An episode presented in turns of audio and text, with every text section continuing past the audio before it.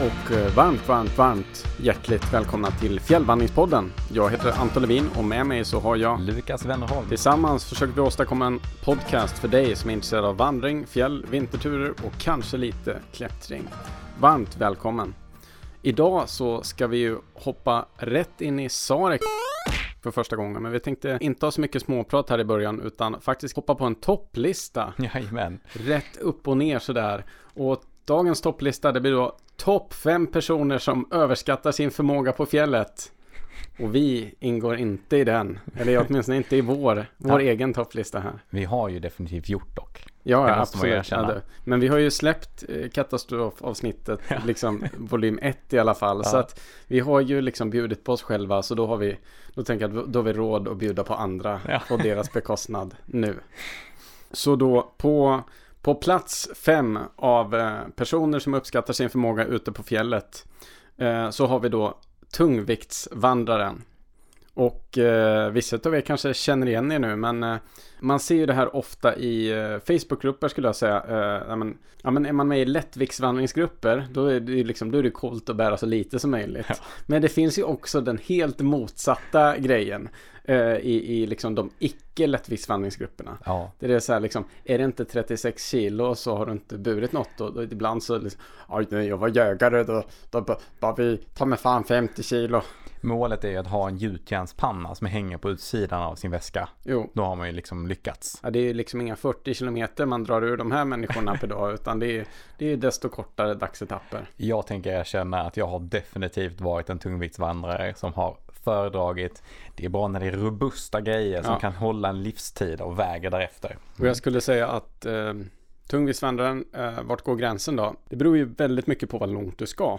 Men låt säga att, ja men så här, har du, har du med dig 25 kilo för två dagar, då är du definitivt en tungviktsvandrare. Ja. Har du med dig 25 kilo för en vecka, kanske inte. Alltså, det, då börjar Mat är ändå, ju tungt. ja precis, då börjar vi ändå komma ner på vad som liksom gemene man skulle råka landa på om man inte riktigt optimerat sin vikt. Ja. Eh, Men sen liksom när, när folk kommer med över 30 kilo i packningen nästan oavsett vad långt de ska så börjar man komma in i den eh, kategorin definitivt. ja. Jag tror mitt rekord är att bära 35 kilo. Har du något? Ja, jag, jag tr- tror jag har legat där någonstans också. Ja. Men det är ju när jag har gått in till en plats där jag ska vara. Alltså, Base camp, Ja, liksom. precis. Eh, Så jag gjorde så till Kebnekaise fjällstation en gång. När jag skulle vara där liksom en och en halv vecka. Man går två mil med mycket packning. Sen har man allt man vill ha och kan Ja. göra vad man vill liksom. Eh, Så det var ju framförallt eh, för det. Ja. På fjärde plats. Solskensvandraren. Och det här är ju då våra söderländska vänner som bara varit ute i, i finväder och som sen råkar ut för eh, ja, men vind, regn, rusk, eh, snö eller Och Snö på back- kallgrader. ja, precis, snö på backen. Jag har sett eh, jag har, jag har ju eh, även referens till Facebook här. Jag har ju sett folk varna för att det är snö på vägen upp för Kebnekaise till exempel i, på Facebook. Det är ändå en legit varning. Man kanske inte vet det. Nej, de, de varnade för att det var liksom fyra dec- en bit där man behövde gå i fyra decimeter snö. Ja. Det, man får väl ställa sig in på att det är så det kommer vara och så är ju sen, majoriteten av året så har du ju så lite snö där så att du behöver inte gå i så mycket snö. Men det är ändå, speciellt om du är tidigt på säsongen så är det ju nästan garanterat att börja plumsa i lite snö. Ja. Och på toppen framför allt. Så att eh, det är ju bara att ställa sig in på och eh, jag brukar alltid försöka ha lite lägre förväntningar och så blir jag överraskad åt det andra hållet istället för att liksom bli för att, för att tänka mig att det ska bli perfekt väder. Jag önskar att jag vore en riktig solskensvandrare och aldrig upplevt något annat. Ja. Nej, nej, det är det, är det, det, vi alla drömmer om, Ja. så är det såklart. Eh, och det här eh, glider ju också in i lite, ja men hur, hur jag förhållit mig till oväder tidigare, som vi pratade om i ett tidigare avsnitt också, att jag gärna ger mig ut i busväder för att, för att vänja mig och så blir man, så, så är man liksom, eh, så, Ja, jag är inte riktigt så hardcore. Nej. Jag tittar hellre på Ja. väderleksrapporten och åker någonstans där Ja. vädret är bra. jo, så är det. Men man måste vara förberedd för Ja. allt. Jo, Mm. ja, det är ju inte så att jag ger mig ut för att njuta i, i dåligt väder, utan det är ju snarare för, att- för att vänja mig. Jaha, jag trodde det var för att njuta. Precis. Eh, på plats tre personer som överskattar sin förmåga ute på fjället. Gamla rävar. De som en gång har varit i riktigt toppform. Som jag sa i något tidigare avsnitt. Eh, ja, men, mycket erfarenhet, dåligt muskelminne. Ja. Ja. För att musklerna har liksom tinat med Ja, tiden. ja, man har den fysiska favör man en gång hade för liksom 20-30 år sedan. Men det finns inte riktigt kvar. Eh, det är lätt att skada sig och sådär tyvärr. Men man kan ju fortfarande ge sig ut och ha väldigt roligt för det. Men det är viktigt att kanske inte överskatta sin förmåga och tänka att man har, man har samma förutsättningar som Nej. man hade förr. Och på nummer två då, topp fem personer som överskattar sin förmåga ute på fjället. Medelålders snubbar. Och den här, den här, den här kan ju röra upp mycket känslor. Vi, vi har ju inte riktigt uppnått den här respektabla åldern och kan kalla oss medelålders än. Men vi, bör, än. Nej, vi börjar närma oss Mm. det där strecket. Eh, men, eh, men eh, nu kanske det finns de som tar illa vid sig här. Men det, det, det handlar om, om man inte känner sig träffad. Då kan man ju intala sig att man inte är en av de här. Utan det är, om du träffar däremot, då, då, då blir det ju sant, tänker jag. Jag tänker här att eh, det är personer som, som kanske inte har vandrat i hela sitt liv. Utan som kommer på att det här är någonting man ska göra. Köper alla grejer på en Ja. och samma gång nytt. Och känner sig liksom kittad till Jag skulle tårna. väl säga att, att motsvarigheten till det här skulle väl också kunna vara eh, storstadstjejer med, med shiny gear också. Eh, så om man ska, om man ska, man ska väga upp det Ja. lite så att så man inte gör antingen, ja, in, nu gör alla upprörda istället. Ja, bra Anton. Ja, precis. Vi, vi, vi killar har ju en, en eh, förmåga att ibland kanske, jag säger inte alltid, inte alla, eh, ibland kanske överskatta vår förmåga och, och tänka att vi, eh, när vi till exempel har eh, sett dokumentärer om hur det är, då är det erfarenhet och kompetens. Ja, och sen läst på eh, något godtyckligt forum att de här grejerna ska man ha Ja. och det är det bästa och det enda man ska ha. Det är det enda rätta. Ja, precis. Så man har köpt ex, exakt det. Gröna byxor med militärmönster. Japp. Och sen sist men inte minst eh, på den sista platsen eller första platsen av personer som uppskattar sin förmåga ute på tället eller ute på fjället. Eh, festivalaren med Biltema-tält. eller ungdomen med Biltema-tält skulle man också kunna säga. Och här, eh, Det här händer ändå ofta. ja, och framförallt eh, på en väldigt känd plats i Sverige tänker jag och det är då Kebnekaises fjällstation. Jajamän. Jag brukar se det som en liten en liten tältutställning när jag kommer dit. Det är alltid lika spännande att gå runt och titta på vad är det liksom, vad är det de har släpat hit? Vad, vad är det där? Vad? Min, min personliga favorit är ju sådana här pop-up-tält. Eh, Ja. Som man, som man, den ser ut som en stor cirkel och så är det en, eh, en dragkedja runt om Mm. och så sippar man ut den så här, pop, så hoppar tältet upp av sig själv. precis. Det Nej. är ju det bästa fjälltältet. Jag stod ju och reste mitt tält där i somras. Eh, och så är det en kille som går förbi och så säger han jag skulle köpt ett pop-up-tält istället. Då, då kände du, Ja, ja, ja, ja, han, han är färdiglärd. Jag behöver inte lära Ja. honom någonting. Han, han, han är färdig. Ja, jag, jag har ju sett eh, tält som ser ut som eh, jag vet inte, de, eh, vad, vad heter det här, vad heter det här konstverket på Kullaberg?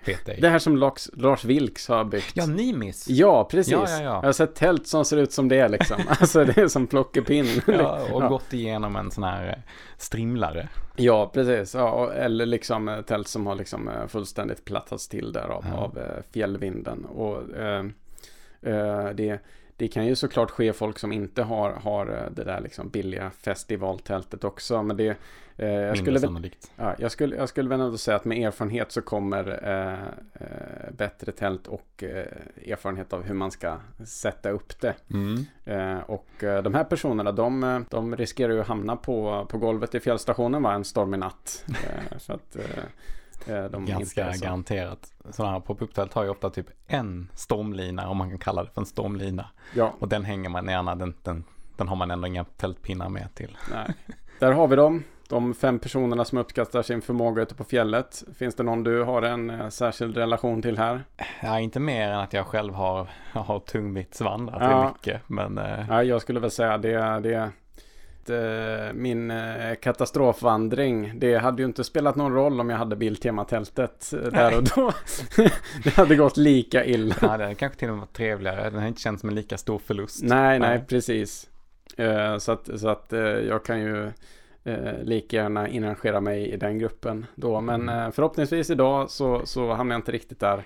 Jag, jag kan ju bjuda på här på, på, den, på plats fyra med vår solskensvandrare. Så min första tur i fjällen, då hade jag med mig, upp på Kalfjället, så hade jag med mig en yxa.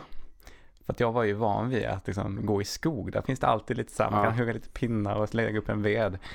Det var inte så mycket värd när man är uppe på Kalfjäll. Nej, precis. Så hit, hittar man något som går att elda så brukar det ofta typ ligga löst. Ja. Eller, ja men så. Jag, jag vet, jag letade nu i höstas när jag var i, eh, i, eh, i Lunddörren. Så hittade jag en del torkade rötter och sådär. Som Mm. hade, jag vet inte om det är någon ren som har eh, tuggat på det och sen så har det liksom lämnat det eller sådär. Eller något annat djur. Så på sina ställen så låg det liksom, ja men lite, lite torkade rötter som låg löst. Som man hade liksom kunnat plocka ihop och gjort sig en liten, liten brasa. Men Då behöver man en rejäl yxa så man kan dela upp dem. Jo, precis. Ja, nej, det hade, de gick att dela för hand. Så att det, Och så finns det ju alltid, dessutom om man nu ska ha med sig, så finns det ju alltid en yxa vid de här små eh, skjulen eller vindstugorna. Så att, eh, ja. ja, det kanske det finns. Jo, nästan, eh, jag tror det ska finnas så på de allra flesta sätt så Okej. finns det det. Så man behöver ju verkligen inte ha en egen. Ja. Mm. Men det är ett värt ett och ett halvt kilo att bära på. Är det om man behöver eh, hugga ner skjulet för att få ihop ved? Nej, nej, det brukar ju finnas lite, lite ved i dem i alla fall. Ja, ja. Nog om topplistan. Vi ska ju till Sarek det här avsnittet. Vi har ju bägge varit där. eh, mer eller mindre. Och eh, vi tänker väl oss att eh, Sarek, det är ju en fantastisk plats. Det är en ganska stor plats och vi kommer ju inte beta av hela Sarek här i ett avsnitt. För att då hade det här liksom blivit fem, sex, sju timmar långt ja avsnitt. det har blivit väldigt, väldigt långt. Eh, och det är kanske ett event vi vill syssla med i framtiden, vad Ja. vet jag. Men eh, här och nu, så det här blir inte det här eh, eh, mega avsnittet utan vi ska begränsa oss lite till då Sarek tjocka massivet har vi tänkt. Mm. Och våra erfarenheter kring och runt det. Ja.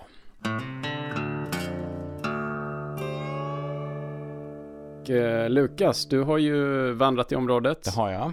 Så innan vi går in på våra specifika historier så eh, tänkte jag att vi kan dra lite specifik bakgrund om Sarek. Och eh, som Svante nämner här, det är ju en, en fantastisk plats. Eh, och jag tror också att det är lite ett eh, nästan mytiskt område för, för fjällvandraren. Den är liksom eldprovet på eh, att kunna gå på oledade ställen och där det inte finns några hjälpmedel och liknande. Och Sarek är då en, en nationalpark som ligger i Norrbotten. Det är den plats i Sverige där det finns flest 2000 meters toppar och högfjällsområde eller högalpina fjäll som det kallas. Eh, Den här eh, nationalparken bildades 1909 och är typ strax under 2000 kvadratkilometer stor. Och i Sarek finns sex av Sveriges 13 högsta fjäll och nästan 100 glaciärer. Nationalparken är uppkallad efter det fjället som vi har som dagens eh, huvudtema, Sarek Tjockomassivet. Eh, och det är en fjälltopp som är 2089 meter hög och är alltså Sveriges näst högsta topp efter Kebnekaise. Och grejen med att vandra i Sarek som gör att det är en, eh, en speciell plats. Fall Där finns lite stigar och sådär där det är, man har gått mycket. Men det finns inga utmarkerade leder likt hur det kan göra i, i andra delar av, av svenska fjällen.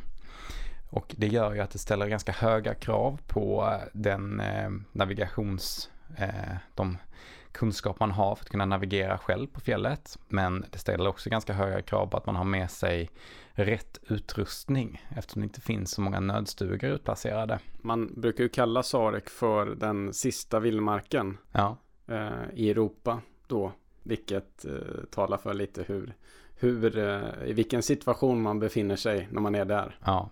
Men det gör ju också att det är en, en, en magisk plats att besöka för att det känns ju som att man är i den riktiga vildmarken, precis som Ja. du säger. Liksom. Det finns ingenting som är tillrättalagt och man, man måste verkligen lita på sina egna förmågor.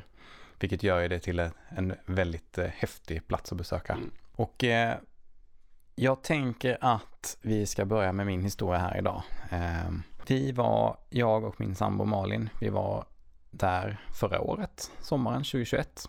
Det är min första tur i Sarek, så vi har då bestämt oss för att vi ska ge oss an det här eldprovet och prova att eh, vandra ut efter våra egna förmågor. Och vi eh, börjar som vanligt med att ta nattåget upp från Stockholm. Eh, men den här gången så stannar, stannar vi i eh, Saltolukta som slutstation. Så man åker nattåg upp och så tar man bussen till Saltolukta och från Saltolukta så kan man ta lite olika vägar in i Sarek. Eh, men vi valde att åka till eh, Sorvadammen.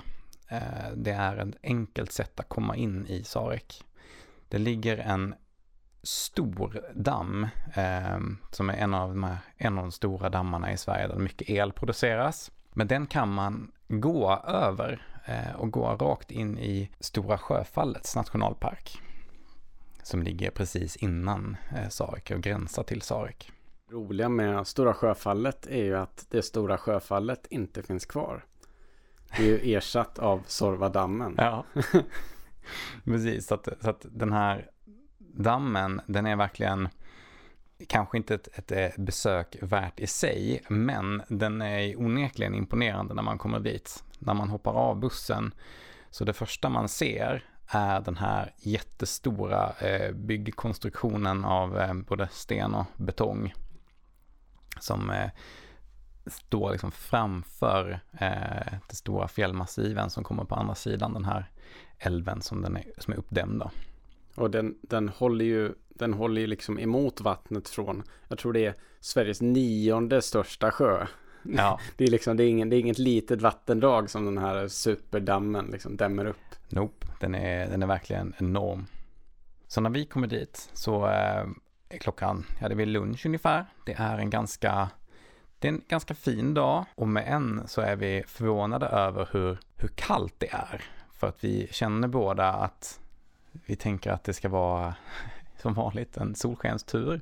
Men det första som händer när vi kommer fram är att vi måste ta på oss lite tunna vantar och mössor för att känna att, eh, att man inte är alltför kall. Och målet med vår eh, tripp här, det är att gå in till Sarek Tjocko och eh, göra en liten klättertur upp på toppen där. Det finns nämligen en, eh, en känd eh, klätterled som kallas för Starek-traversen. Eh, och den hade vi som mål för den här, den här resan. Vi börjar med att vandra in över dammen.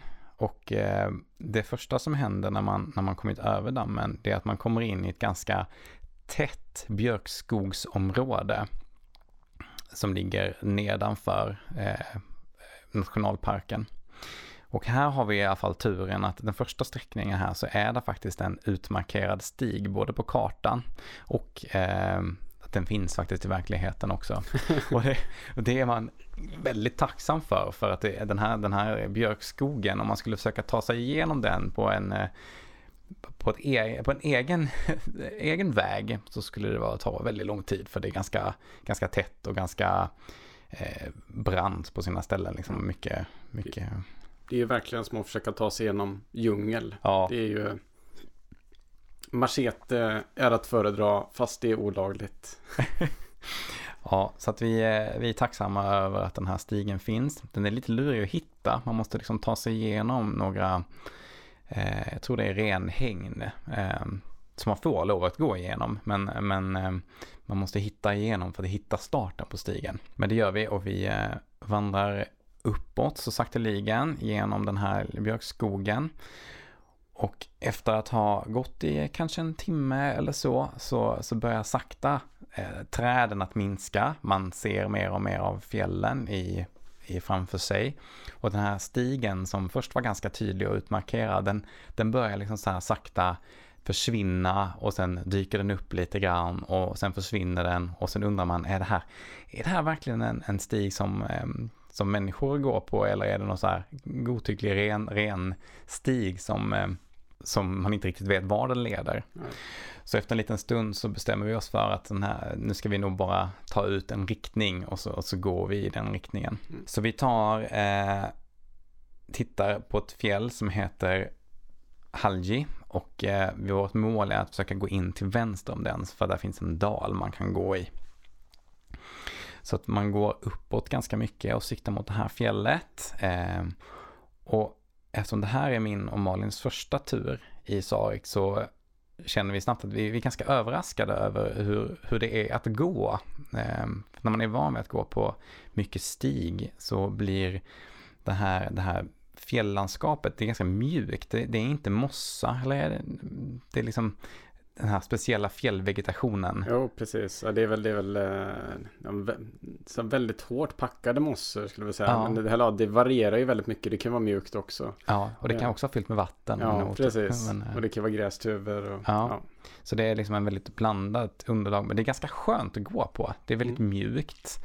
Eh, det tar lite längre tid. Man kan inte hålla samma tempo. Men det är, det är väldigt trevligt att gå på. Och eh, det här tycker vi båda är ganska häftigt eftersom det, det är första gången vi faktiskt inte går längs stig. Liksom. Så vi fortsätter in upp på fjället och eh, rundar det här lilla bergsmassivet. Och när vi känner att ah, nu har vi varit ute och vandrat i några timmar eh, och tagit en, liksom en ganska, ganska lagom lång pass för att ha varit första, första dagen när vi kom fram vid lunch. Så stannar vi uppe på en platå och då har vi utsikt dels både hela vägen tillbaka så man ser eh, var vi kommer ifrån. Man ser, man ser inte dammen men man ser liksom fjällen på andra sidan. Den här eh, eh, där älven går. Och så ser man också framåt eh, mot de andra fjälltopparna som vi ska gå mot dagen efter. Vi har det väldigt nice. Det är sol ute. Det är en skön kväll och det är ju, eh, det är ju juni så att det blir ju liksom aldrig riktigt mörkt heller. Eh, en nej, juli är det. Och det blir aldrig riktigt mörkt så att eh, vi har en lugn och skön kväll. Vi äter lite chili som vi har torkat hemma med eh, tortillabröd till. Det är fantastiskt. Jag hade till och med med oss lite färskmat här. Alltså chiligryta. Ja, chili, ja, ja, precis. precis. Chili, ja, precis. Vi har gjort chili, chiligryta ja. och eh, färska tortillabröd som vi har burit med oss. Jag var tvungen att kontrollera mina antaganden här. Mm, ja, nej, vi såg inte åt eh, små chilipeppar. Nej, precis. I tortillabröd. Ja. På morgonen när vi vaknar upp dagen efter, då har tyvärr eh, vädret inte varit på vår sida. Eh, det regnar när, när vi ska packa ihop vår tältplats och eh, molnen har dragit in. Men eftersom vi är på en, en plats med en helt otrolig utsikt så eh, har vi ett, är vi på riktigt gott humör. Det känns väldigt, väldigt roligt att vara på den här platsen. Så vi, målet för den här dagen är att vi ska ta oss in till eh, Gunkesbron. Eh, det finns ju några få broar i, i Sarek över de stora vattendragen och vi behöver ta oss över en av dem för att komma in till Sarek eh, Så vi vandrar på i det här regnet men eh, det är, det är en fin dag och eh, vi tar oss hela vägen till den här bron. Och när man kommer in i den här dalen som heter Gunkesvaggedalen, eller Gunkesvagge, så ser man eh, Sarek Tjocko på andra sidan vattendraget. Och det är liksom en lång, eh, lång dal där det går en ganska, eh, ganska stor jock med vatten. Och så i bakgrunden så har man det här stora bergsmassivet. Vårt mål är att ta oss så nära eh, bergsmassivet vi kan eftersom vi dagen efter ska försöka göra en topptur. Och vi har spanat in att eh, en av de eh, lite lättare vägarna, eller en av de vägarna man kan ta upp, eh, går via eh, en glaciär. Och som vi har nämnt tidigare så finns det många glaciärer här så att vi, vi ser tre, tror jag, tre eller fyra olika glaciärer. Vi bara, hmm, vilken av de här är det vi har tänkt att vi ska gå upp på? På kartan ser det ju väldigt lätt ut att hitta, ja. men när man står där i verkligheten och det är liksom tre distinkta toppar och varje topp har sin egen glaciär så får man fundera lite över vilken man är sugen på att gå till. Och då menar du att det inte står namn på glaciären i verkligheten ja. och eh, så tydliga streck mellan Nej, dem? det gör ju tydligen inte det. ja, för vi har varit väldigt besvikna och de har inte alltid den här fina knallblåa färgen som nej, man ser nej, i, i, när man ser dem nerifrån i alla fall som de var på kartan. Nej, men vi, eftersom det är ett, ett fast antal så kan man ju räkna sig fram till vilken det är och kolla ut vilket, vilket väderstreck den ligger i. Så vi knatar på uppåt längs bergssidan eh, och tar oss så nära den här eh, glaciären vi kan och samtidigt hittar en tältplats som är dräglig. Eh, allt eftersom att det blir brantare så vill man ju försöka hitta någonstans platt och slå upp tältet och det blir lite svårare och svårare. Men vi hittar en bra plats där det finns ett litet vattendrag så man kan få lite vatten till att laga mat på och sådär. Eh, och också ett ganska hyfsat mjukt underlag att sätta upp tältet på. Och då har vi vandrat, det tror jag den här dagen har, eh, vi har varit ute och gått kanske ja, åtta timmar eller sådär. Ja, en ganska lagom vandringsdag. Strax under två mil tror jag vi har gått. Så det var en, en skön dag när vi sen slår stopp. La ni märke till det här? Det är ju som en labyrint av eh, från Gunkesvärtjocka mm. så är det ju som en labyrint av små ringlande eh, ja, men, eh, avgreningar. Av, av vattnet ja. Ja, mm. precis. Eh, så man vet inte riktigt, ska jag korsa den här eller ska jag Liksom, hur, hur gick ni där för att inte liksom gå in i den här labyrinten? Eh, vi tar liksom sikte på att gå så, så rakt uppåt ja. som möjligt. Ja. Eh, och liksom försöka undvika att gå ner mm. i dalen. Ja. För att som du säger, dalen är liksom full av, eh, av vattendrag, det är som ett stort delta nästan. Ja. Um, så vi tar liksom bara sikte uppåt så mm. fort som möjligt för att komma bort från vattnet.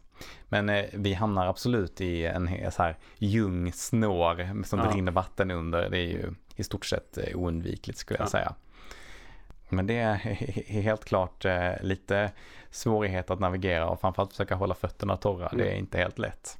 Så på kvällen här så eh, kollar vi på väderleksrapporten inför morgondagens eh, topptur. Eh, det ser väl kanske inte så här super ut. Eh, det ser ut som att det ska kunna vara ganska molnigt och även lite blåsigt och sådär. Ehm, men vi tycker ändå att det känns som att det går att sikta på att göra den här turen. Och vi siktar på att vi ska ta oss upp runt 5-6 på morgonen för att få, få en lång dag, få många timmar.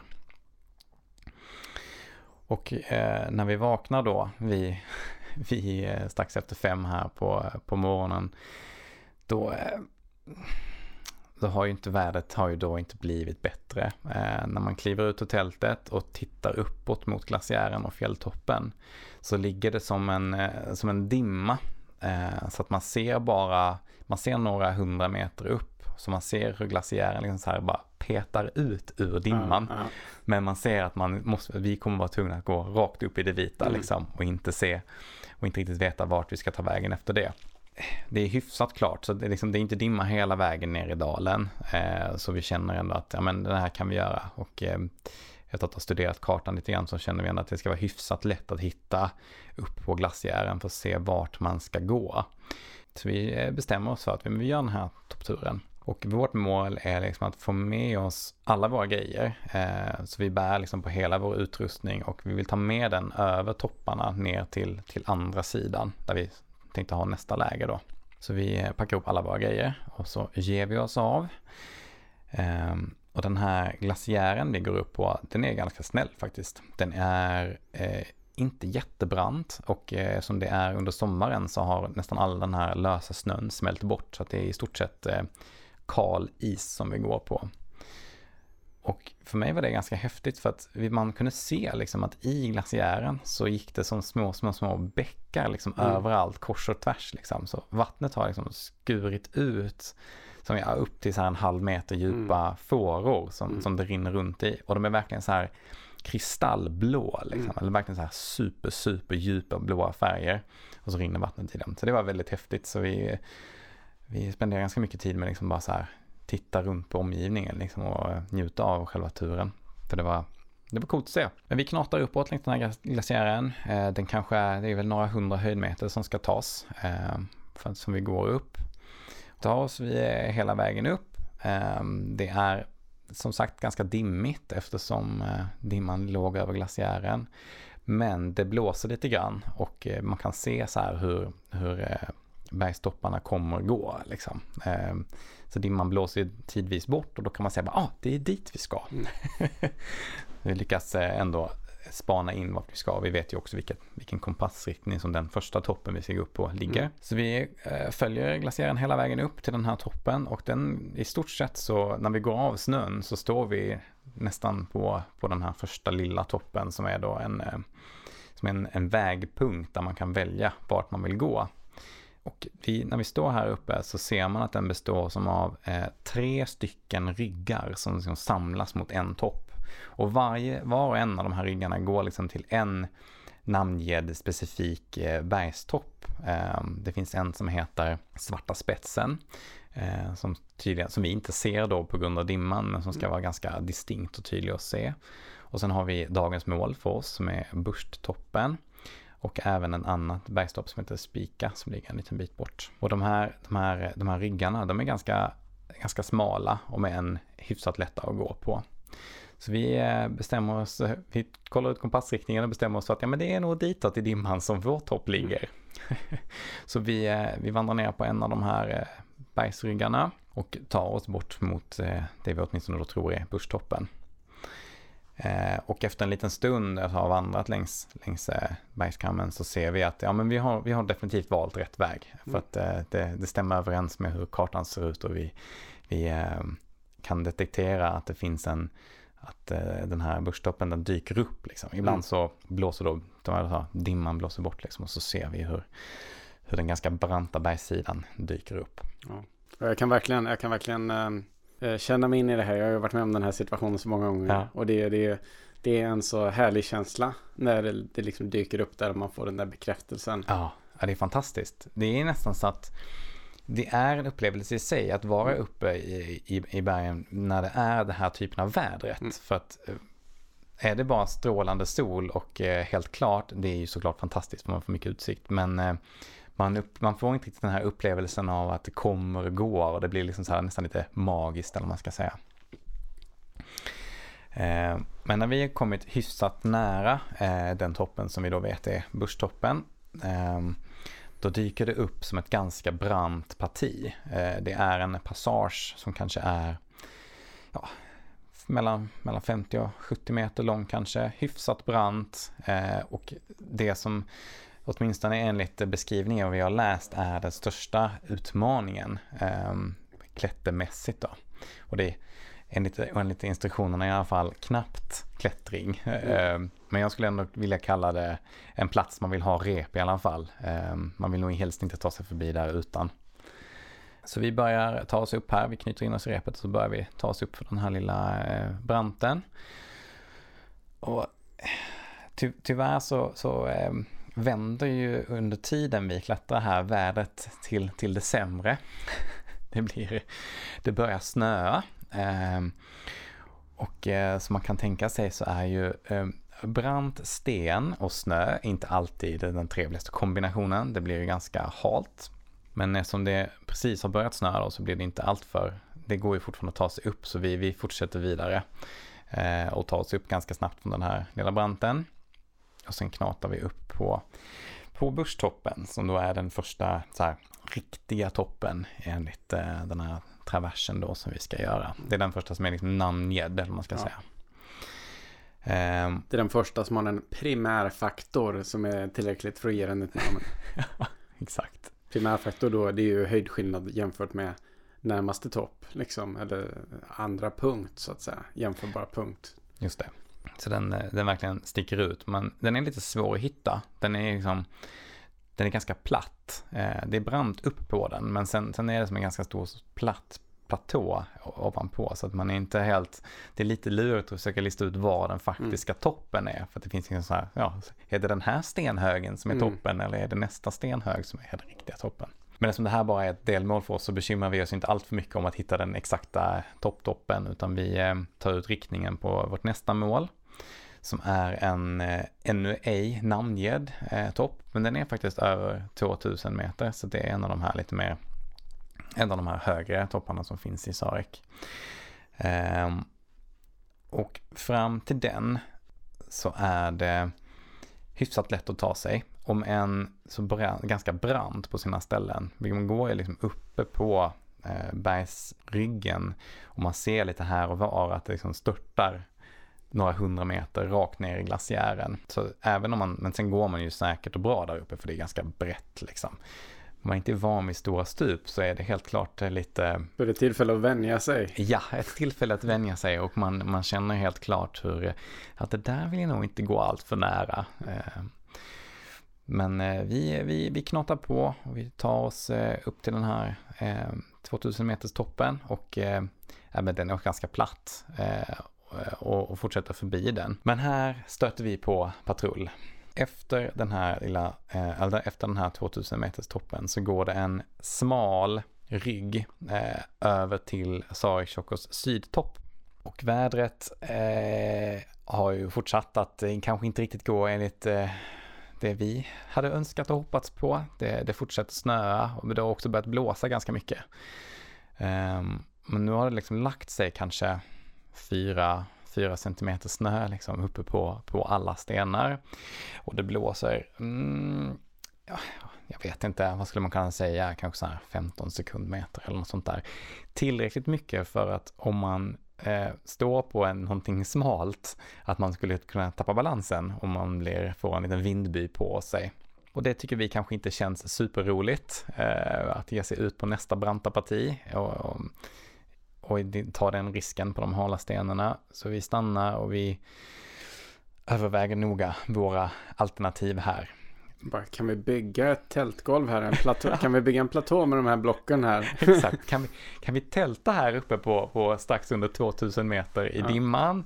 Eh, kan vi vända, gå tillbaka? Eh, eller ska vi fortsätta över? Vi, vi estimerar att vi har kommit ungefär halvvägs. Eh, kanske inte i mängden höjdmeter, men åtminstone i distansen att gå så är vi nog ungefär halvvägs.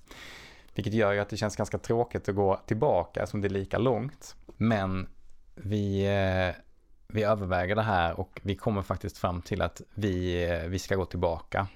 Vi har varit ute i kanske 6-7 timmar eh, och vädret har ju som sagt bara blivit sämre och sämre hela tiden.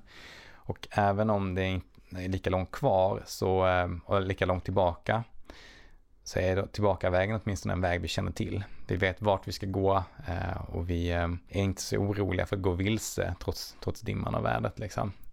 Så vi, vi vänder helt enkelt och börjar gå tillbaka. Det tar ju, och vi upptäckte ganska snabbt att den här snön som har lagt sig, den gör ju inte det lättare att ta sig fram utan det går ju snarare långsammare och långsammare. Allt eftersom att, att snön har lagt sig. Ja, går sakta men säkert tillbaka eftersom vi inte har så mycket val. Ehm, och så kommer vi till den här lilla branta passagen som är eh, vid, vid busktoppen. Och ehm, det är, det är inte heller några större problem att ta sig ner eftersom man har ett rep den här gången. Men vi tar oss ner där och så går vi tillbaka ner till glaciären. När vi kommer till den här glaciären igen, samma som vi gick upp på, då får vi det verkligen bekräftat för oss att eh, det var ett eh, riktigt bra beslut att vända. För att det börjar blåsa ännu mer. Mm. Och det, det, liksom, det blåser så mycket så att man vet så här, man kan stå och luta sig ja, in i vinden. Mm, mm. Eh, och det är inte en vindstyrka man vill ha när man står uppe på en smal topp. Nej, precis. Nej. Det, då, då är vi uppe i 20 plus i alla fall. Ja, ja. Eh, och eh, vi är helt enkelt mycket nöjda med vårt beslut att inte fortsätta in på okänd mark och eh, i, i det vädret. Utan vi är nöjda med att kunna knata neråt igen. Och den sista biten ner för glaciären, det går väldigt fort. Eftersom det lutar ganska mycket neråt så kan man nästan så här småspringa ner mm. tillbaka. Så eh, efter att ha spenderat så här 13 timmar i eh, klättrandes, inte, ja, inte det bästa av världen, så är vi, vi är rätt nöjda med att kunna slå upp vårt tält igen och eh, krypa ner och, och, gå och lägga oss. Eh, för det var, det, var en, det var en väldigt spännande tur, helt klart. Alltså det, det är ju alltid en fantastisk belöning att komma till en tältplats och, och få äta och liksom sätta sig i sovsäcken och ja. kunna liksom eh, slappna av. Eh, andas ut. Jajamän.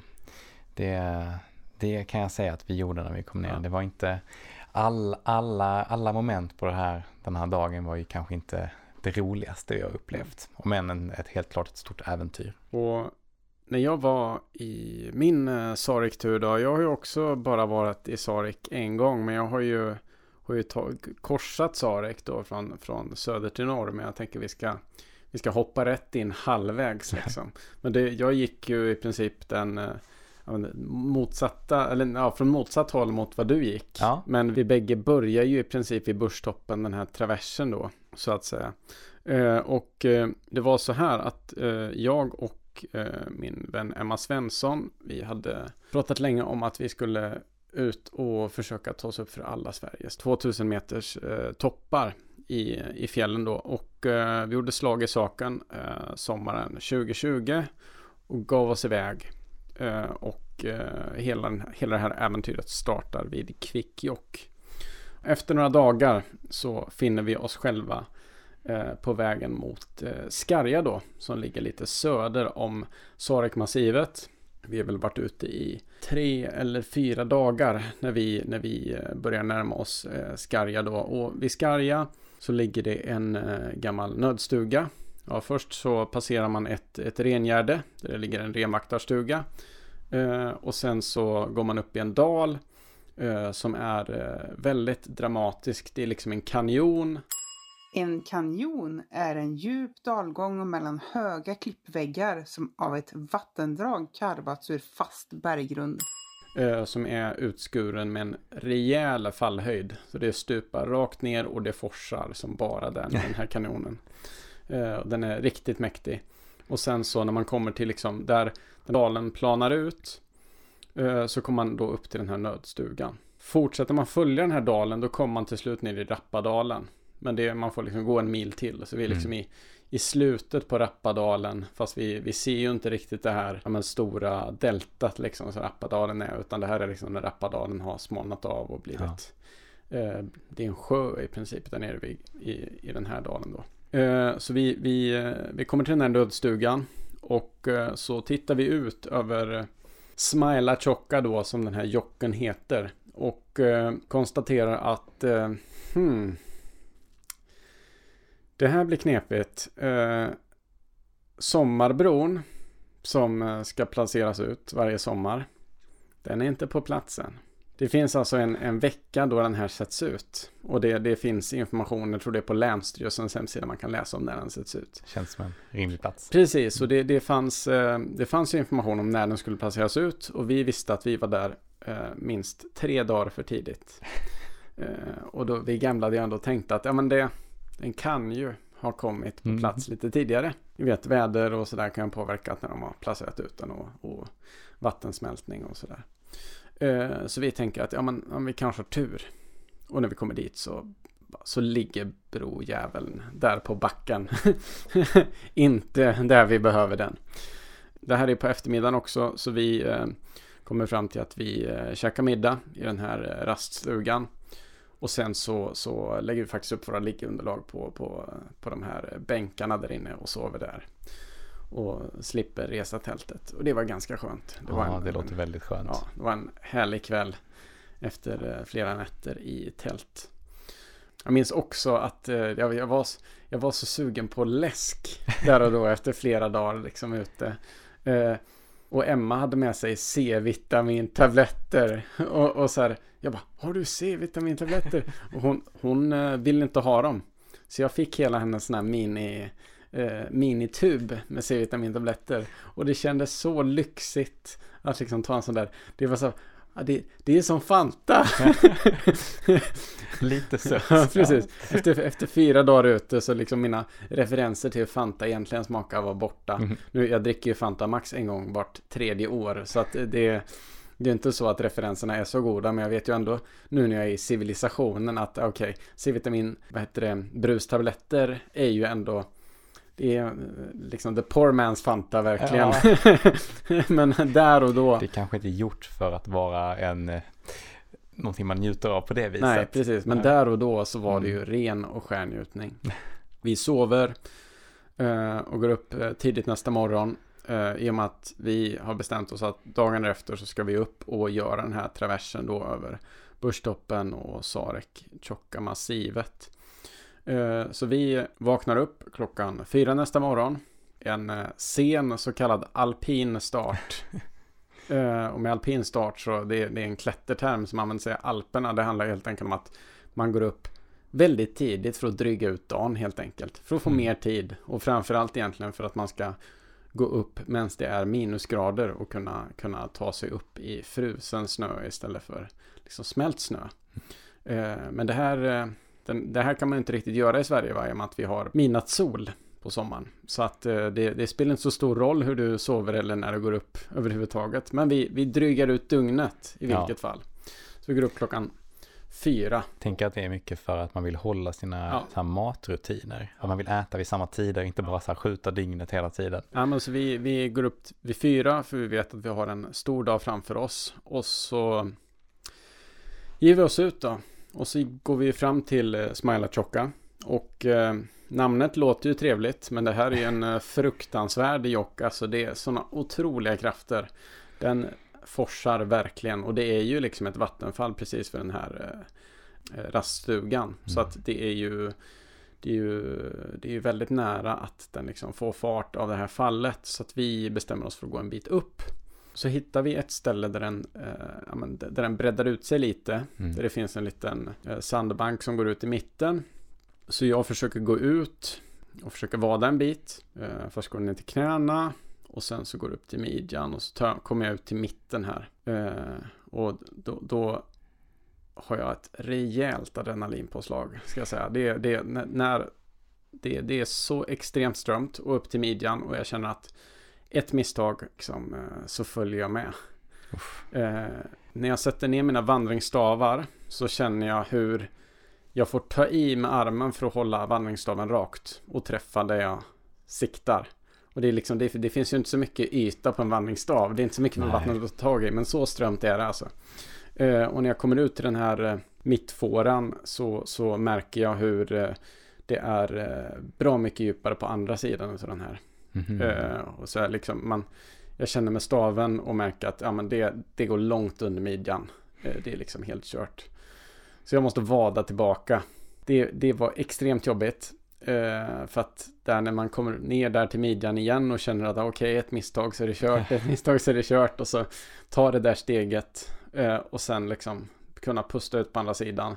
Jag, jag kände att mitt, mitt psyke var nere på botten efter det. Ja, Eh, hon har så- knappt kommit upp från eh, ja, precis. stugan. Ja, eh, nej, så att vi, vi, eh, vi bestämmer oss för att få- få fortsätta lite uppströms. Och, eh, går väl liksom ett par hundra meter till. Eh, och, och det är ju också att vi kommer närmare eh, Mikajegna glaciären som är den vi då ska ta, eh, ta oss upp för upp mot sydväggens, eller sydtopp. Ja men vi följer det här vattendraget norrut och ja men efter en bit så ser vi ett till ställe där det kanske går att ta sig över. Eh, och den här gången går Emma först. Eh, hon går också ner till midjan. Men vågar ta de där sista kliven och ta sig Mm. över. Så nu är det bara för mig att liksom andas ut. Vi, eh, det är inte så stor skillnad i, i längd och kroppsvikt på oss och sådär. Så jag tänker att ja, men funkar det för henne då borde det funka för mig också. Mm. Och eh, det gör det. Men det, är- det är ju det är en otrolig adrenalinkick när man, när man lyckas kliva över där. Inte den trevliga typen av den Nej, nej precis. Men ändå när man har liksom klarat det Ja. så mm. det känns ju otroligt bra. Men det är ju en kombination av trauma och, och, och bra upplevelser samtidigt. Men jag måste säga att jag, jag kan inte rekommendera någon att vada det här vattendraget utan vänta på bron. ja. Som jag förstår det också så man kan gå betydligt längre norrut, alltså flera kilometer norrut och då få lättare förutsättningar. Eh, Men det, det hade ju påverkat vår dag väldigt mycket så vi ville verkligen över här så Mm. tidigt som möjligt.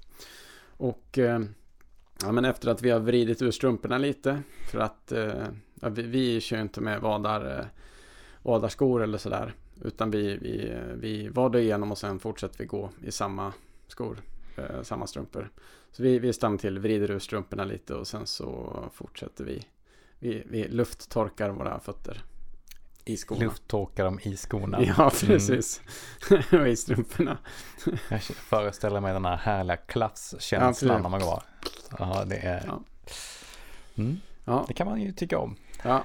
Nej, men det var eh, tidseffektivt. Ja. Speciellt när vi, ja men eh, vissa av de här dagarna du vet ju också hur det är, ja, men vissa av de här dagarna så gjorde vi ju eh, mellan fem och tio vad på en dag. Och Ja. det vill man ju inte stanna varje gång.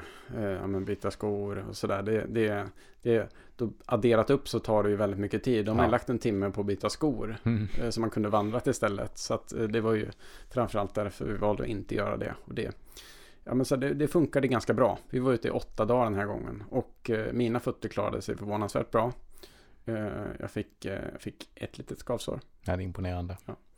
Eh, och ändå då hade jag blöta fötter varje dag. Så att, ja men ändå positivt överraskad. Men vi börjar vandra upp mot Mika Jägna-glaciären då, som är den stora sydvända glaciären i Sarek-massivet. När vi kommer upp där så vi hade inte någon tydlig väg upp bestämd.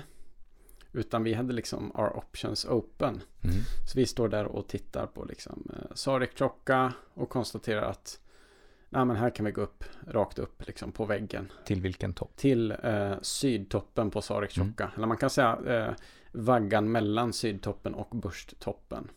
Precis efter där eh, Lukas då vände. Ja. Eh, så vi kommer upp precis innan den här smala kammen. Eh, så vi börjar ta oss upp här från glaciären, kliver över där glaciären tar slut. Eh, och just det, en sak som är lite frän med den här glaciären det är att det finns lite markeringar. Det finns stenar med, lite årtal och, och grejer på. För Ja, coolt. liksom höjden på glaciären och sådär vid, vid olika tillfällen. Eh, så det, det finns lite så här markeringar av att människor har varit där. och bara att se det i Sarek känns lite exotiskt. Det är liksom tvärtom mot resten av samhället. Det är så här, åh, någon har varit här istället för, ja, någon har inte varit här.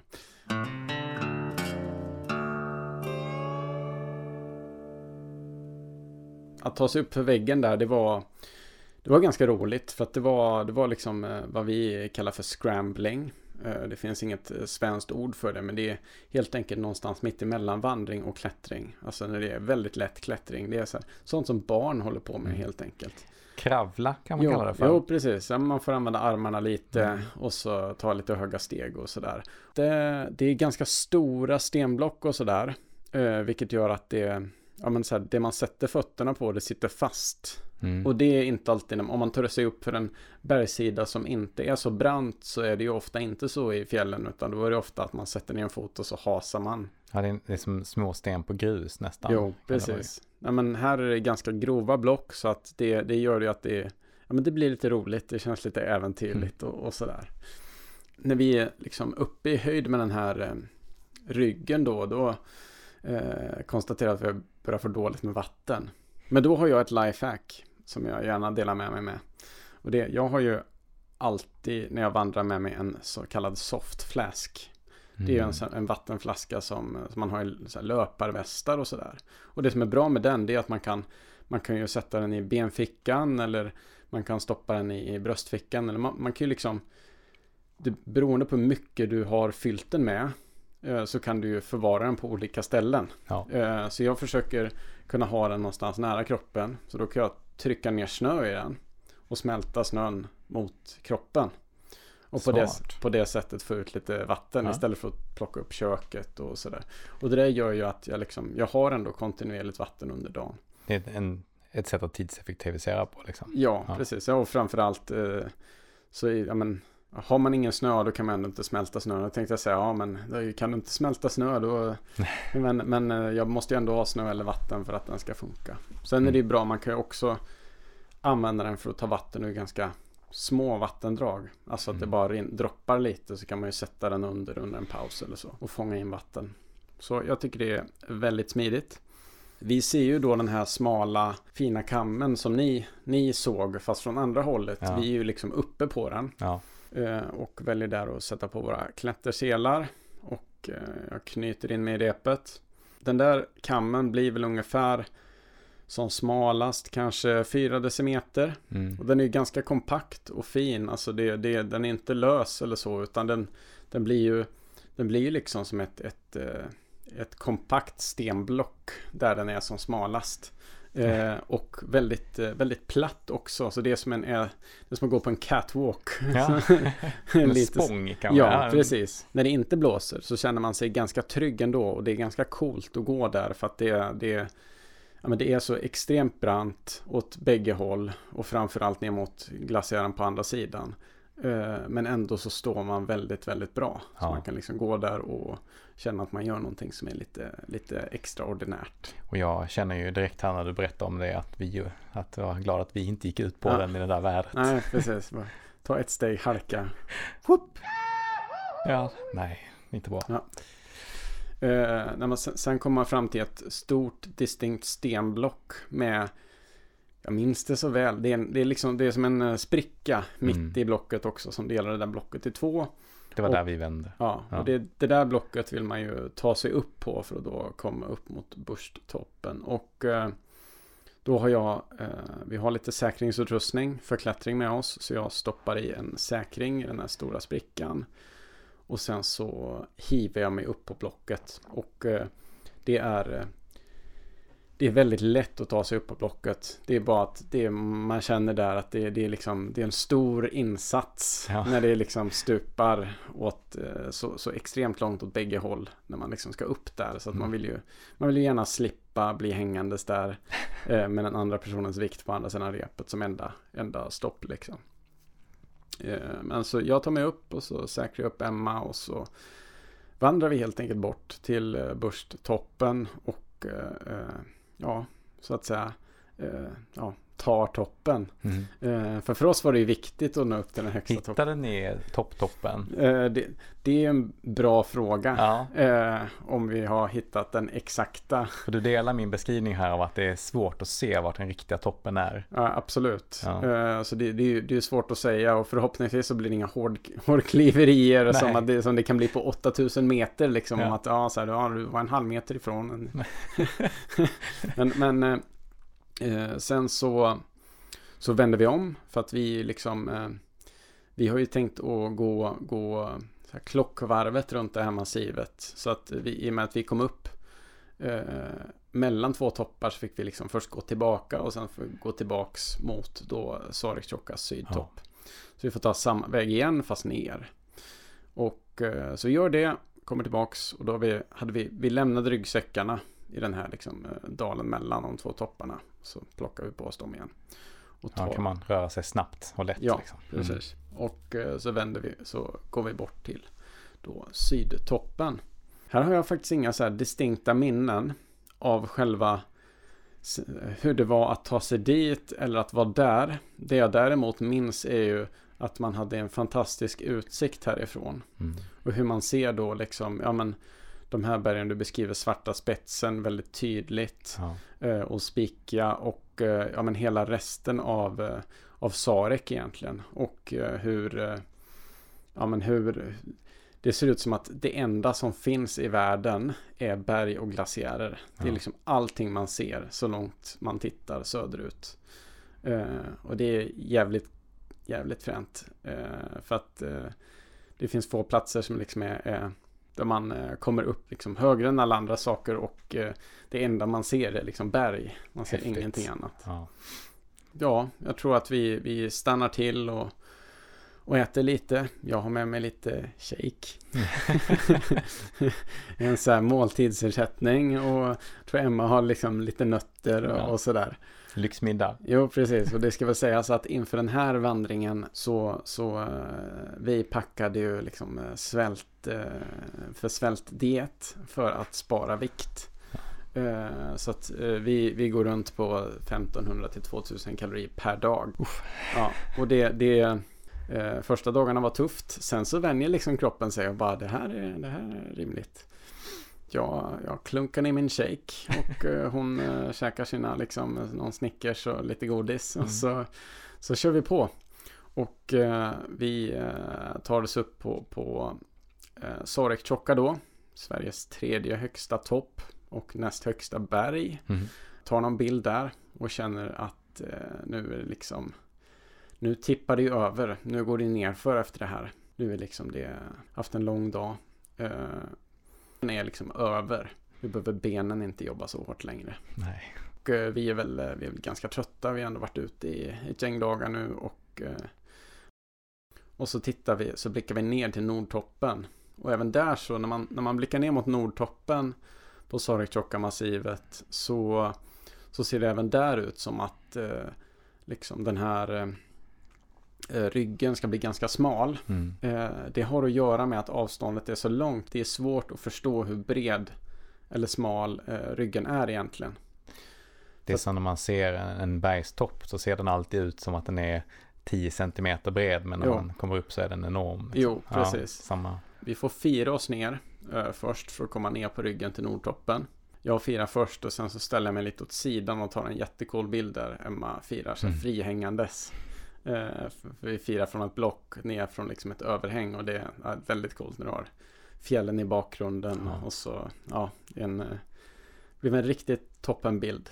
Men så vi fortsätter ner på den här kammen som också precis som den förra kammen är, är väldigt kompakt.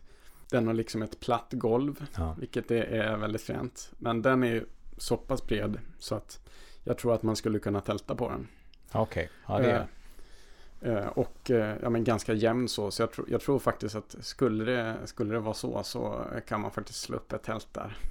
Om det inte blåser allt för mycket då. Det Ja, precis, vara precis, med precis. Lite, lätt väderutsatt. Man vill inte råka så här, eh, rulla åt sidan och putta ut tältet över, över kanten. För då, då far man all världens väg. Ja, kanske inte är den bästa platsen att tälta på. Nej, nej, precis. Men det skulle vara en cool grej. Ja. Och sen så tar vi oss upp mot, mot eh, då Sarek eh, Chokas Nordtopp. Och eh, vägen upp dit, det är också lite så här lätt klättring. Det är också ganska stora block. Men lite brantare än uppför vad det var uppför Sarek Chokas sydvägg.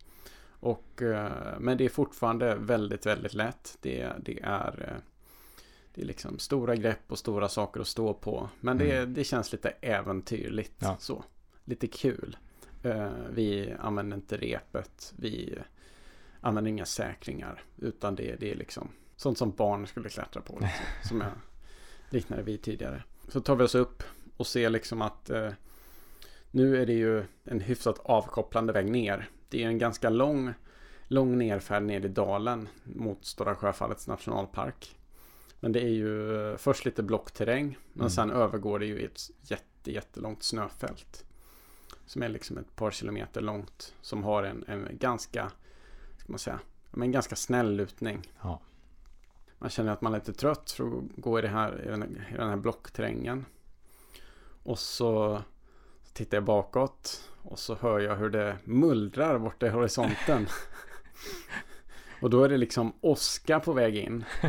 Eh, och så stora cumulonimbusmoln då som det heter som håller på att bildas.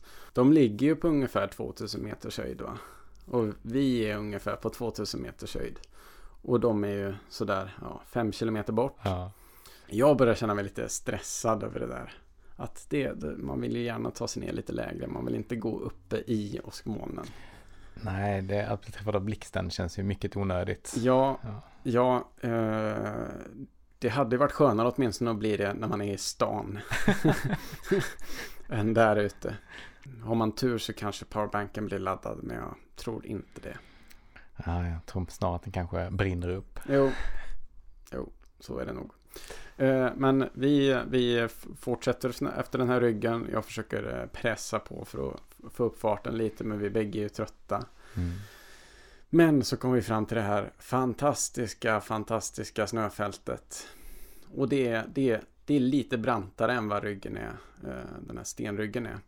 Och eh, snöfältet, eh, jag tittar ner över det och så konstaterar jag att eh, det här kommer inte ta lång tid. Jag sätter mig på arslet och glider. Och eh, jag kan nog glida dryga två kilometer på det här snöfältet. Väldigt, väldigt långt. Det är, det är det bästa snöfält jag åkt på i Sverige än så länge. Det är så sjukt effektivt sätt att Ja. ta sig ner på. Ja. ja. Det, det är liksom helt ansträngningslöst. Man stannar upp någon gång efter liksom eh, 500 meter. Eh, och sen så, så eh, hoppar man till lite för att ta ny fart och så, så glider man iväg igen. Ja, det, var, det var riktigt gött. Emma gillar inte att åka på röven riktigt lika mycket. Det, det är också ganska kallt. Eh, det, det är ju den stora nackdelen. Eh, så att eh, jag får vänta några minuter på henne men så kommer hon ner och så käkar vi middag. Och eh, vi har sånt flyt för de här åskmolnen verkar få sin urladdning innan de kommer fram till oss. Så att vi, vi har riktigt flyt med det också så vi slipper eh, något regn som kommer ner över oss. Gud vad skönt. Och vi kan, eh, vi kan käka middag precis när det här snöfältet slutar och få nytt färskt rinnande vatten. Ja, men efter det här så tar vi oss ner lite till. Vi slår upp ett tält. Och eh, jag går ner för att ta mitt första mitt första bad på några dagar. Mm. Ja. Jag har ju inte duschat heller för att vi tog inte med oss någon fältdusch. Aj, aj, aj. Jag minns verkligen hur ja, men det var inte så fruktansvärt att gå i vattnet. Jag hade ändå vadat många gånger varje dag så jag hade vant mig vid, vid den där Så hade ju känslan. ba- badat åtminstone halva kroppen varje Ja, dag. precis. Eh, men däremot så myggen. Oh, vad jobbigt det var. Ja, Ja. det, det var så extremt mycket mygg där som omgärdade huvudet och ja, kroppen. Och det, ja, det, just då fick jag lite panik över myggen. Annars så, när jag klädde på mig, då går det bra. Men Mm. där och då, det var väldigt jobbigt, minns jag. Det är de tillfällena man vill att det ska vara blåsigt. Så Ja. att de blåser bort. Precis. Annars är det inte ofta man vill det. Nej men och, ja, vi går och lägger oss och så vaknar vi nästa dag av att det, det regnar. Och vår plan här var ju att vi skulle ta oss, eh, ta oss bort till Akka då, som är den enda 2000 meters toppen i Stora Sjöfallets nationalpark. Mm. Som ligger en ganska bra bit bort. Ligger från den här platsen som är, det är precis nedanför liksom nordtoppen på, eh, på Sarikstjokka. Så är det väl eh, eh, ja, men kanske 15 kilometer fågelvägen. Eh, men vi eh, kommer behöva gå en omväg. För vi måste bort till Gunkesvaggebron. Eller måste och måste, men det är åtminstone det säkraste kortet Ja. vi har. För det, om man, om man har tittat på kartan över Stora Sjöfallets nationalpark så ser man att liksom 90% av Stora Sjöfallets nationalpark är små kärnar och Jaha. vattendrag. Så att eh, ska man liksom ta sig bort till Akka så får man antingen gambla på att det finns någon bra väg genom den där labyrinten av kärnar och vattendrag. eller så får man liksom ta sig bort till den här bron som också Lukas och Malin passerade i början av sin lilla Mhm. berättelse. Och Ja. eh, kan ju sticka in här lite snabbt med att vi, eh, vi vadade faktiskt över Kunkes. Man kan nämligen göra det Ja. lite längre upp, typ Ja, i. Nordtoppen. Ja. Ja, men vi, vi ville ta oss bort till bron i alla fall. Vi- det. Ni vi- hade ju fått era vad. Ja, precis. Eh, och vi sneddade ju ner mot Gunkesvartjokka. Eh, för att vi låg i tältet en, en stund och tänkte ska vi ta en vilodag. Men efter fyra timmars vila så var vi så uttråkade så att vi gick ut i regnet istället. Eh, men sneddade mot Gunkesvartjokka för att liksom se hur det såg ut. Men då, vad vi kunde se så forsade det ju rejält. Mm. Eh, och vi försökte se om det ja, men blir det något delta någonstans där den, blir, eh, där den blir grundare eller så. Men vi lyckades inte hitta någon plats som såg, eh, som såg ut som att vi ville ta oss över i Nej. alla fall. Och det är då, alltså i och med att vi följer Gunkesvartjokka eh, så går ju vi inte så högt upp som ni gjorde. Nej, Eh, utan vi går ju desto längre ner i dalen. Vilket betyder att vi kommer ju fram till det här deltat jag pratade om som är Mm. som en labyrint. passerar ni uppe vid den här sjön? Eh, som kommer från Gunkesvartjokka. Eller som Den, ligger liksom ovanför. Ja. Vi gick via den när vi gick tillbaka sen, men den ligger lite längre upp sett från, eh, från Gunkesvartjokka. Nej men så vi, eh, vi eh, fortsätter vandra mot, mot den här bron och så kommer vi fram till den här då labyrinten av, av deltan då som den här eh, mynnar ut i. Det, själva, själva floden fortsätter ju men det blir också några små deltan och Mm. de här deltarna de är inte så, de är inte så breda. De är kanske två meter breda. Men de är ju också typ två meter djupa och helt klara. Så det är liksom det, det, är så, det, det är så nära. Det är så att man nästan kan lägga sig raklång över som en liten bro. Eller som man tror att man, ja men jag skulle kunna hoppa. men, men de är så extremt djupa. Men så hittar vi någon, ja men något ställe där det, det är någon, du vet, det är någon kurva som det blir tillräckligt smal för att man ska kunna hoppa över och så hoppar Ja. vi över och så, så fortsätter vi gå och så ja men det vips är man inringad Mm. eh, för det kommer liksom sån här eh, ja, vattendrag på bägge sidor om en Ja. och så måste man antingen gå tillbaka eller hitta något annat ställe att gå över så vi håller på så där ett tag tills vi konstaterar att vi inte tar oss över mer så då får vi backtracka eh, ungefär en kilometer Eh, Så det är verkligen en labyrint. Så då rundar vi de här vattendragen. Eh, Lite, sen. lite längre upp då. Ja, Ja. precis. Och tar oss då efter, eh, alltså det, jag tror det är eh, sju timmars vandring eller något sånt där. Till den här bron. Mm. Och då är vi, Ja, det, det, det var sådär så att vi inte trodde att bron fanns nästan. ja, man, på, på kartan sett ska det ju inte ta sju timmar nej, dit. Nej, precis, utan det är ganska lång tid. Uh, men vi är trötta och går ju väldigt, uh, väldigt dum väg. Mm. Ja, men, och uh, det är också så att vi trodde att man skulle se bron tidigare. men vi lyckas inte göra det förrän vi kommer ganska nära den. Mm. så. Men det, för det, man tänker att en bro ska vara så stor så att den syns väldigt bra. Men det, det är väl också för att det är så, lå, så låga kontraster mot ja. färgerna liksom. Så att den syns inte så bra. Så det kändes ju verkligen som en befrielse att, eh, att komma dit och bara säga yes. Eh, men att gå till den där bron det innebär ju en omväg på, på sådär eh, 8 till 10 kilometer. För hade mm. vi liksom sneddat rätt till, eh, till Akka så hade det gått betydligt fortare. Och med det så tänkte jag att vi ska, vi ska lämna den vandringen och så ska jag lämna Akka och det äventyret till ett framtida avsnitt. Men vi är inte riktigt klara i Sarek. För veckans anekdot utgår ju lite ifrån Sarek också. Och eh, veckans anekdot handlar då om eh, den kände kartografen Gustav Wilhelm Burst. Och det är då namnet på Sveriges och för Lapplandsfjällen troligtvis viktigaste kartograf. Eh, under den senare delen av 1800-talet gjorde han en rad expeditioner i Lapplandsfjällen. Och eh, man kan ju tänka sig att det, det, kan låta lite högtravande att säga expedition om att gå ut och vandra. Men i slutet på 1800-talet så var ju fjällen något helt annat än vad det är idag. Ta sig in var ju ett betydligt större projekt. Det, det här var ju en tid då om det ens fanns bilar så var de väldigt få. Ja. Eh, det var liksom inte så att han kunde ta tåget dit han ville. Utan det var ju ett, det var en expedition bara att ta sig fram till där vandringen kunde börja.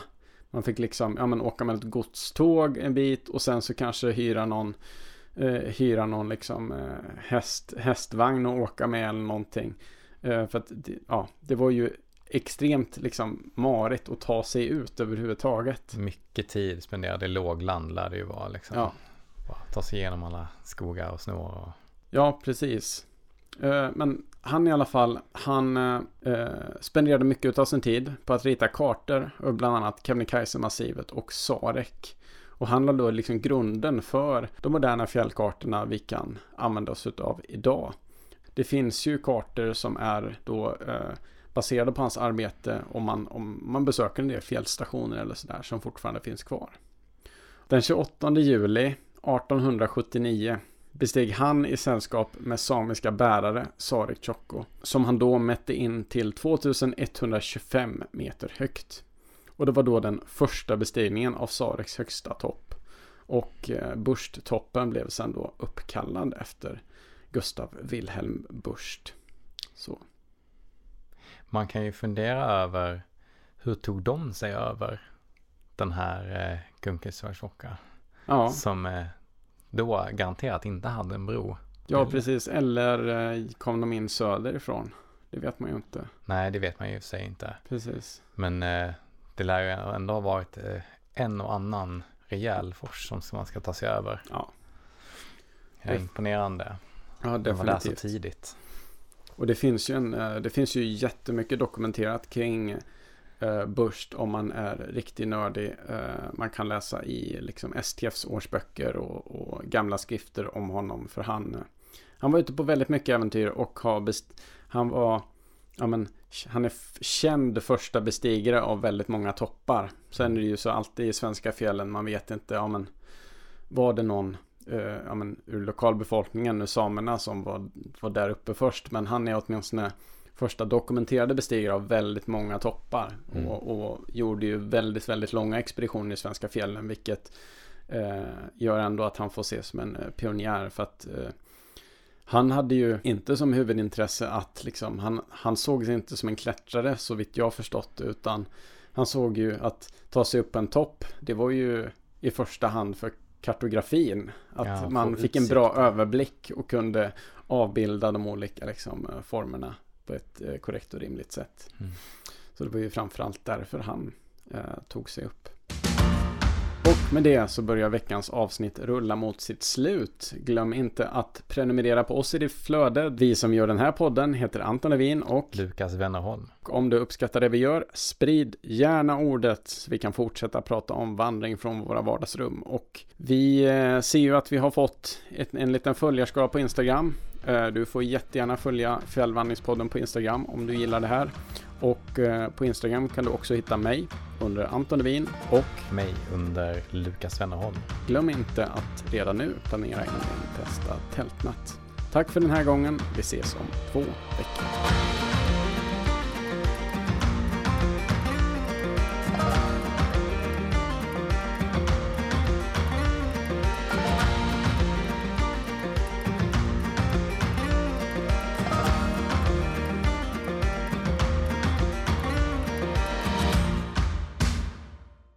Precis. Nej, eh, eh, kanske.